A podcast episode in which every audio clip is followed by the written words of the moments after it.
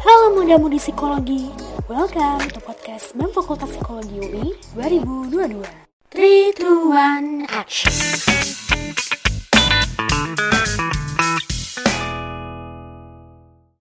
Halo muda-mudi psikologi, selamat datang di Spotify BEM Fakultas Psikologi UI 2022. Buat kalian yang masih pada kepo mengenai kehidupan kampus psikologi UI, atau yang mau kenalan sama kakak-kakak psikologi, podcast ini berguna banget dan harus kalian dengerin. Tak kenal maka tak sayang, tak sayang maka tak cinta. Kembali lagi sama aku Sasa, staf Biro Media BEM Fakultas Psikologi UI 2022 yang akan nemenin kalian selama 15 menit ke depan. Pada episode kedua, kita udah kepoin Kak Devina Faustanisa Nursyah, salah satu mahasiswa psikologi UI yang berhasil mendapatkan beasiswa ISMA di Boston University. Buat kalian yang belum dengerin, yuk langsung aja ke Spotify BEM Fakultas Psikologi UI. So, di episode ketiga ini pastinya nggak kalah menarik dan seru untuk kalian dengerin. Kita nggak lagi ngebahas hal-hal serius, tapi, kita akan kenalan sama kakak psikologi UI angkatan 2021, teman aku sendiri, yaitu Alia Lutfiani. Aku dan Alia adalah mahasiswa psikologi UI angkatan 2021 yang baru aja mendapatkan kesempatan untuk bisa kuliah offline nih guys. Dan juga bertemu langsung dengan maba-maba imut psikologi UI. Oh iya, kita apresiasi dikit yuk untuk para maba yang sudah mendapatkan jurusan impiannya. Selamat untuk seluruh maba di Indonesia yang sudah berhasil diterima di kampus undian ya. Selamat juga untuk adik-adik tercinta yang sudah menjadi bagian dari keluarga besar Fakultas Psikologi UI. Oke Al, tanpa basa-basi, langsung aja yuk kita kenalan sama kakak Alia yang keren badai mempesona ini. Hai, hai, hai, hai, semuanya Hai, hai. kenalin. Oke, kenalin sama aku tuh Alia Lutfiani Nur Izisti, tapi singkatnya biasanya dipanggil Alia, Al, atau juga Ayah sih, biasanya kalau di Psiko.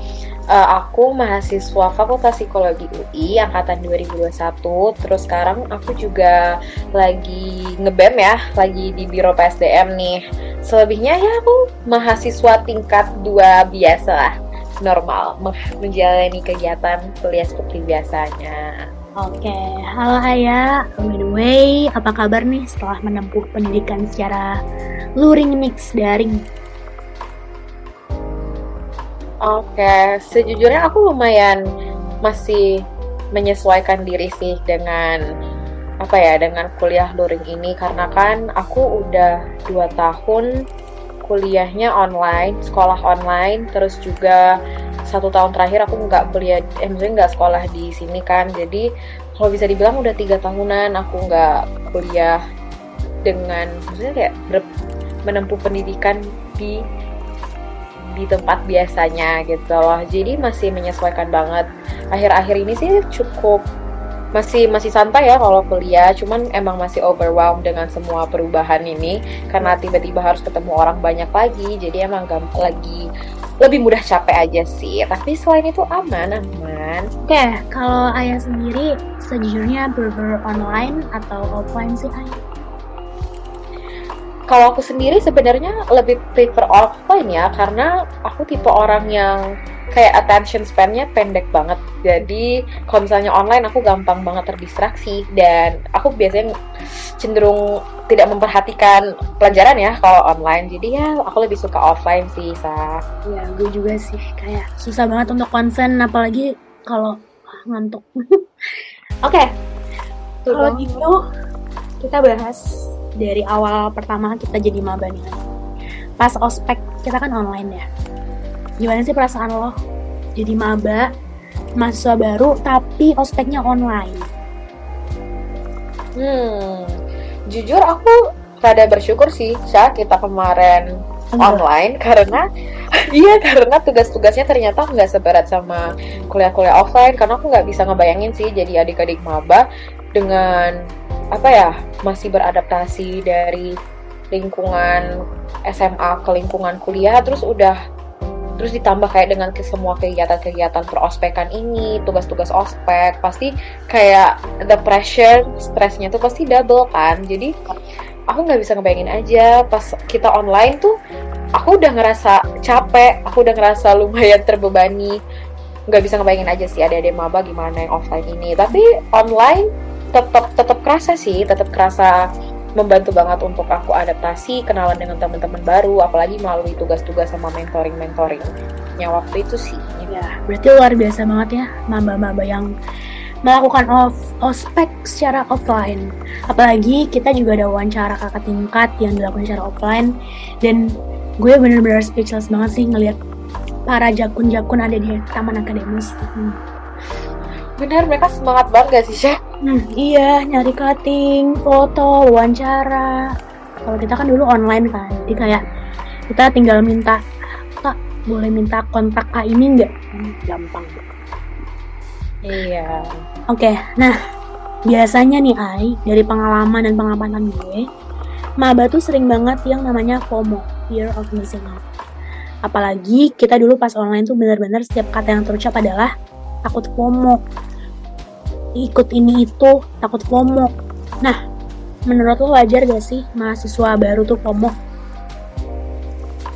Menurut gue ya, karena gue juga pernah jadi mahasiswa baru gue udah pernah melewati fase-fase itu dan gue jujur juga pernah melewati kefomuan itu gitu loh jadi gue emang sangat-sangat wajar kenapa karena kan kuliah itu mungkin lingkungan yang serba baru bagi mereka dan mereka tuh juga mungkin baru ngeliat nih wah ternyata kuliah itu memberikan mereka tuh sangat banyak apa ya sarana dan fasilitas yang mereka tuh bisa bisa bisa apa ya kayak bisa mereka gunakan untuk mengembangkan diri mereka untuk memaksimalkan potensi diri mereka. Mungkin ada orang-orang yang emang udah tahu nih mereka mau ngapain tapi ada orang-orang yang kayak masih ngelihat lirik kanan kiri masih ngelirik teman-temannya jadi cenderung untuk kayak lebih ke ikut-ikutan doang. Nah mungkin FOMO-nya tuh keluar dari sana ya muncul dari sana gitu loh. Dan menurut aku wajar banget karena saking banyaknya yang di offer sama sama tempat kita kuliah mungkin dari psikologi sendiri jadi mereka juga jadi takut kalau misalnya mereka nggak ambil apa ya yang bakal terjadi ke depannya? Kalau misalnya aku nggak ambil ini aku bakal ngelewatin chance chance ABC nggak ya? Kalau misalnya aku nggak uh, misalnya aku diajakin temen tapi aku lebih milih untuk nugas mereka masih mau temenan gak ya sama aku gitu loh. Jadi karena ini lingkungan yang serba baru bagi mereka ya wajar aja sih. Mereka mungkin ngerasa overwhelmed dan mereka akhirnya kayak merasa harus apa ya menuntut diri mereka untuk ikut semuanya biar mereka nggak ketinggalan biar empat tahun mereka di psikologi mungkin lancar lebih lancar. Gitu ya. sih. Tapi kalau ikut ini itu kayak uh, tanpa pikir panjang ntar jatuhnya hasil culture nggak sih? Bisa bisa banget. Jujur bisa banget. Kalau misalnya karena karena kita tuh nggak tahu ya karena kita ikut-ikutan doang kita sebenarnya nggak tahu apa yang mau kita tuju ya bisa aja kita mengambil semua kegiatan yang kita bisa tanpa tanpa kita sadari bahwa itu tuh ya belum tentu bisa nge-add up value kepada kita gitu loh. Gimana ya kalau jelasinnya tuh aku ngebayanginnya hustle culture itu bisa terjadi ketika uh, you take so many things kamu mengambil semua opportunity yang di offer ke kamu tanpa kamu tuh mengetahui sebenarnya tujuan kamu mengikuti ini tuh apa gitu loh. Ujung-ujungnya kamu bakal banyak ikut kegiatan banyak spend waktu di sana tapi kamu mungkin nggak benar-benar yakin ini tuh emang yang kamu mau dan akhirnya kamu burn out. Akhirnya kamu mengerjakan sesuatu yang sebenarnya nggak benar-benar kamu pengen. Mengerjakan sesuatu yang belum tentu nge-add value di diri kamu. Yes. itu sih kalau yang aku bayangin. Hmm. gue setuju banget. Tapi lo sendiri uh, pas dulu lo ngerasa diri lo tuh hasil culture gitu? Hmm, gue ngerasa kalau hasil culture enggak sih Isya cuman ya gue emang rada-rada FOMO ya dan uh, gue ngerasa banget di semester 1 itu gue kayak hmm, ikut-ikut kepanitiaan karena emang ikut uh, ada beberapa ke, kayak kepanitiaan yang gue ikut-ikutan doang karena gue takut ketinggalan nih dari teman-teman yang lain. Tapi pada akhirnya pas gue udah kelar dari semua kepanitiaan itu gue ngerasa kayak ya udah lewat aja ya udah gue ternyata kerja doang tapi gue nggak ngerasa gue sebenarnya benar-benar belajar gue benar-benar berproses gue benar-benar uh, mendapatkan value yang gue inginkan gitu loh karena ternyata ya nggak lain nggak lain sama apa yang gue uh, apa ya gue pengenin in the long run gitu sih Sha. Hmm.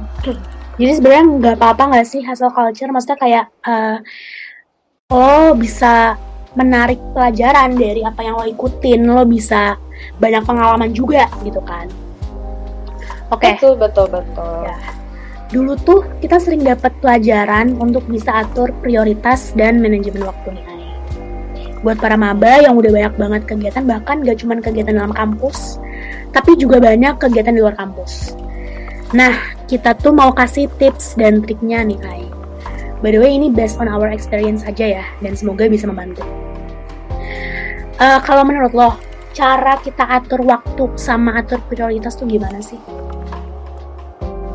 Menurut gue uh, penting banget untuk mengetahui skala prioritas kita sih. Either kita emang mau ngeprioritasin akademis, atau kita mau ngeprioritasin main, atau kita mau ngeprioritasin mungkin organisasi. Karena kan orang uh, beda-beda ya skala prioritasnya. Jadi itu sih yang pertama kita harus tahu skala prioritas kita. Dan dengan kita tahu skala prioritas, kita tahu nih mana nih yang harus kita kerjain duluan. Misal emang ke, uh, skala prioritas pertama kita itu akademis, ya udah semua kegiatan akademis harus dikerjain duluan gitu loh harus dikerjain duluan. Sisanya mungkin kalau udah selesai baru nih uh, organisasinya ngikut mainnya ngikut. Gitu sih kalau aku dan uh, masalah time management itu berhubungan juga ya sama si skala prioritas. Kalau misalnya kita udah tahu skala prioritas tapi time management kita juga jelek ya, ya sama aja bohong kan, sama aja bohong, hmm. sama aja nggak nggak bakal dapat hasil apa apa. Nah ini aku belajar dari ospek sih, dari ospek pas aku maba, ada yang namanya Eisenhower Matrix dan juga penggunaan Google Classroom. Nah eh, aplikasi-aplikasi uh, yang kayak gitu nih, yang kayak Notion, Google Classroom, uh, yang ngebantu aku tuh nge-organize sebenarnya jadwal aku hari ini ada apa aja sih? Dan aku harus ngerjain di jam berapa sih gitu loh. Dan dengan itu tuh yang ngebantu apa ya? Ya udah sih nge-organize kegiatan-kegiatan aku pada hari itu. Dan mungkin untuk teman-teman maba yang belum melakukan itu bisa banget nih melakukan uh, mulai organizing to-do listnya tasknya pada hari itu menggunakan aplikasi-aplikasi bantuan itu. Tapi dengan kembali lagi harus menyadari skala prioritas kita gimana. Dan juga actually melakukannya. Karena percuma kan kalau kita udah nulis udah kita warnain tuh Google Calendar kita warna-warni tapi kayak actionnya nggak ada. Gitu sih. Benar sih, ditambahkan sekarang juga banyak banget aplikasi-aplikasi yang menarik yang bisa mempermudah kita untuk melakukan to-do list, uh, terus mengatur skala prioritas gitu. Oke, okay, video ini, Ayah ini adalah salah satu panitia Kamaba ya, Ayah. Sebenarnya apa sih alasan lo untuk menjadi panitia kamaba? Uh, jujur, ini alasan jujurnya kayak uh, aku kan mahasiswa rantau ya. Aku mahasiswa rantau yang uh, kota aku tuh sebenarnya dikit banget ya masuk psikologi. Jadi aku tuh juga bingung kalau misalnya mau tahu tentang psiko, lingkungan akademis, lingkungan sosial, aku bingung mau nanya ke siapa. Nah, si Kamaba ini ngebantu aku banget, ngebantu aku dari sisi nyari teman, terus juga memperkenalkan aku dengan psikologi gitu loh. Dan aku ngerasa hmm, dengan aku menjadi panitia, I can give back untuk adik-adik. Karena Kamaba kemarin bermanfaat bagi aku, mungkin aku juga bisa uh, memberikan manfaat juga bagi adik-adik dengan menjadi panitia kamaba gitu. Give back ya untuk uh, maba-maba ini. Ya. Oke. Okay. Give back. Hai, boleh dong ceritain beberapa kesan menarik menjadi panitia kamaba? Oke, okay. jadi kalau misalnya mentoring dengan maba-maba, uh, karena aku panitia mentor ya, jadi aku kan ya most likely mentoring sama maba sebenarnya yang seru itu karena aku bisa deket sama mereka sih. Bisa deket dan actually komunikasi sama mereka. Karena mungkin kalau aku nggak jadi maba aku nggak akan kenal juga sama maba-maba ini. Nggak akan kenal sama adik-adik tingkat aku. Karena hmm, balik lagi aku kan uh, mahasiswa rantau yang kayak mahasiswa yang kayak, kayak mahasiswa dari kota aku tuh dikit gitu loh. Jadi aku nggak begitu banyak kenal. Nah dengan ini aku bisa jadi kenal mereka bisa aku apa ya aku ajak dan kayak kenalin dengan kepanitiaan-kepanitiaan yang ada di Siko, organisasi-organisasi yang bisa mereka ikutin, terus juga bisa bantu mereka beradaptasi, ngobrol-ngobrol, sekedar ngobrol, main, kumpul-kumpul sama mereka.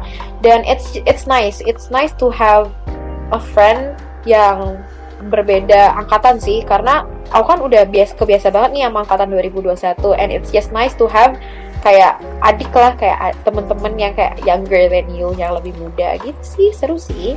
Ya Saya soalnya kan cuma kita. Mm, betul. Soalnya kan kalau misalkan kita punya uh, teman yang lebih tua ataupun lebih muda itu kita bisa jadi banyak belajar sama mereka ya. Dan mereka Benar, juga benar, pengalamannya ya pengalamannya banyak dan kita bisa saling share pengalaman gitu. Oke, Benar, kalau tadi kan benar. kita udah nanya-nanya ke Ayah ya tentang Ayah ini adalah salah satu seorang panitia maba. Sekarang waktunya kita kasih tips-tips buat para maba yang pada. Ay. Pertama, Dapat. tips untuk mendapatkan peer group. Kalau lo sendiri, tips ala lo gimana? Kalau gue sendiri tips mendapatkan peer group menurut gue apa pun yang berhubungan dengan teman itu jangan dipaksakan sih. Maksudnya kayak jangan yang sampai ya gue harus dapet peer group, gue harus nyari ke sini sini sini sini gitu loh. Natural aja, natural karena menurut gue teman-teman yang sefrekuensi, teman-teman yang dekat pada akhirnya tuh akan ketemu sendiri, akan terfilter sendiri gitu loh. Dan masalah peer group ya, menurut gue peer group tuh bukan masalah kayak oke gue mainnya cuma sama ini doang gitu. Enggak, Eh, kita tuh masih bisa tetap main dengan siapa aja eh, sekaligus apa ya dengan berbarengan kita tuh punya peer group. Karena menurut gue peer group itu lebih ke yang emang lu ngobrol sehari-hari yang mungkin jadi safe safe space lu di kuliah teman-teman lu yang belajar teman-teman main lu 24 per 7 gitu sih. Jadi masalah kayak gitu ya bakal tersa terfilter sendiri lah bakal kelihatan siapa sih yang paling cocok sama kalian ngobrolnya dan lain-lain Oke, jadi mungkin eh, kalau gue sendiri nih gue mau kasih tips ala gue. Kalau gue sih dulu tuh gimana nih? gue benar-benar aduh maaf banget ini agak memalukan tapi gue bener-bener ngechat Ah, semua orang kayak Hai let's be friends gitu lah. Kayak gue emang setakut itu gak punya teman. Bahkan kayak gue nggak mandang gender cewek cowok gue chat kayak Hai temenan yuk temenan yuk. Nah bener tapi tuh semakin ke sini tuh kayak semakin tahu oh gue satu hatinya satu frekuensinya sama orang ini. Jadi eh, bakal kelihatan sih Iya. mana yang long last mana yang kayak cuman sekedar tahu doang gitu. Iya iya iya benar approaching kayak nggak approach pertama kali juga juga penting sih. Jangan jangan jadi orang yang tertutup juga. Kalau misalnya di approach jangan yang kayak eh kenapa sih diajak kenalan? gitu loh. Be be open aja sih be open. Ya setuju. Oke. Setelah tips mendapat peer group boleh dong kasih tips supaya para maba ini gak mengalami culture shock di awal-awal masuk kuliah gimana ya Hmm, culture shock ya. Sebenarnya Hmm. kalau culture shock pasti pasti bisa aja terjadi sih karena kembali lagi kan dunia perkuliahan sama dunia SMA tuh beda jauh. Cuman cara menghadapinya ya kali ya. Gimana kalian menghadapi culture shock perubahan ini?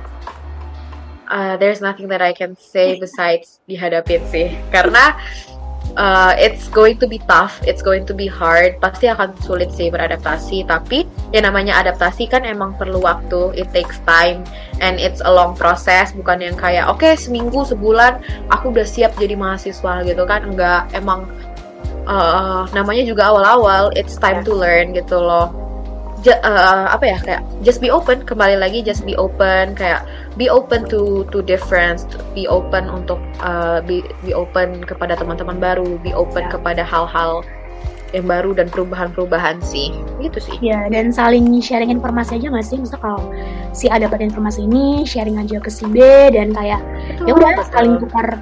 Lo gimana lo gimana gitu aja sih? Santai. Iya, saling membantu ya saling Santai. membantu. Oke Selanjutnya adalah hal yang paling menyenangkan yang pernah lo alami di psikologi UI. Apa nih?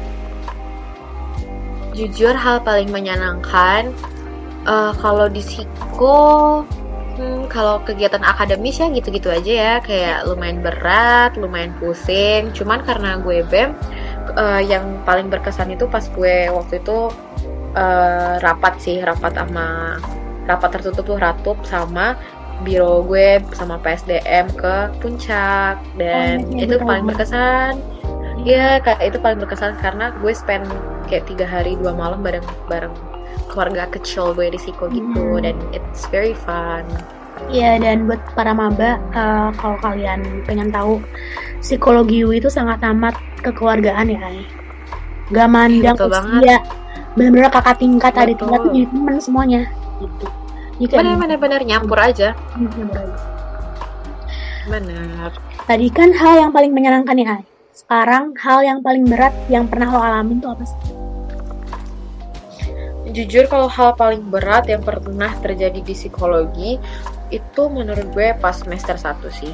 pas gue masih masa-masa adaptasi Oh, oke. karena gue lu- lumayan kaget sama materi-materi psiko pada umumnya kayak wah gue baru tahu ternyata psikologi itu belajarnya kayak gini gitu loh. Dan gue kayak sempat culture shock yang sampai pengen pindah jurusan karena kayak eh gue tidak dipersiapkan masuk ke psiko untuk menghadapi ini gitu loh. Gue gue sangat shock karena sangat banyak menulis sangat ba- banyak baca jurnal. Dan gue awalnya nggak suka sama sekali. Tapi sekarang gue malah cinta banget. Jujur gue cinta secinta itu membaca jurnal. Hmm, jujur gue tuh uh, gue tuh tipe orang yang nggak suka baca nih Ay aja ya gue nggak suka banget baca. Dan masuk psiko di dipaksa untuk membaca jurnal mencari jurnal tapi kayak ya udah. Iya. karena tuh emang manusia kalau misalkan dipaksa untuk mengikuti apa ya mengikuti apa ya gitu kalau dipaksa dia bakal dengan sendirinya bakal kebiasaan. Jadi kayak bener bener bener sekarang malah kebiasaan kan siapa ya ya udah namanya namanya psiko emang harus baca jurnal gitu ya loh jadi kayak santai oke santai kalau gitu kita mau ucapin selamat ya untuk para maba psikologi UI yang udah menjadi bagian dari keluarga besar Makara Biru Muda. Selamat datang di Fakultas Psikologi UI adik-adik imut. selamat datang Nah, tidak terasa nih Ay, kita udah ngobrol bahkan kayaknya lebih dari 15 menit kita bincang-bincang. Thank you ya Ayah atas waktunya untuk ngobrol bareng gue dan sekalian kasih gambaran juga tips dan trik menarik menjadi mahasiswa baru di psikologi UI. Nah, buat teman-teman dan adik-adik semua, semoga dengan adanya podcast ini kalian bisa mengenal jauh lebih dekat dengan kakak-kakak psikologi dan kampus psikologi tercinta ini.